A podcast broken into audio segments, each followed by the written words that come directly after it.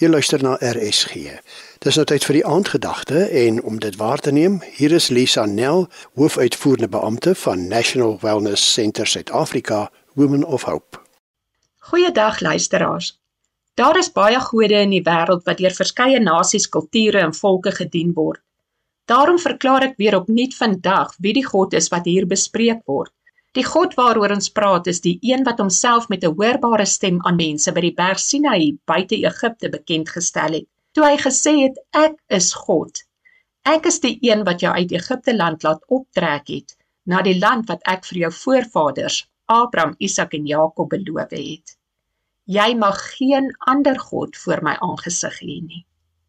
Vandag handel ons gesprek oor kontak en kommunikasie met God die God van Israel wat jou en my liefhet, wat graag wil hê dat jy met hom in verbinding moet tree.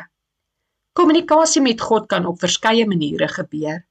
Die naam wat algemeen in die kringe van gelowiges gebruik word vir kontak met God, is die woord gebed.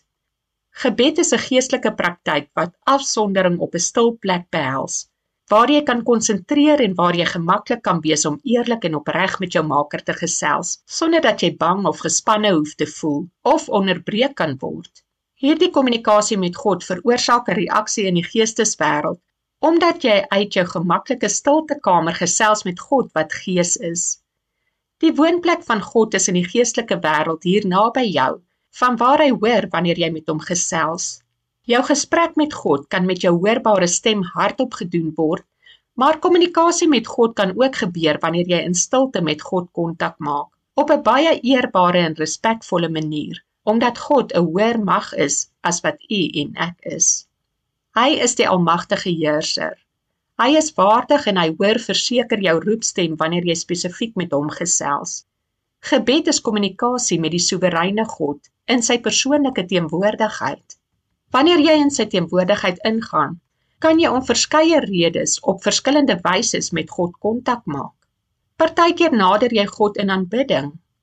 Ander kere soek jy sy aangesig vir die belydenis van skuld en sonde.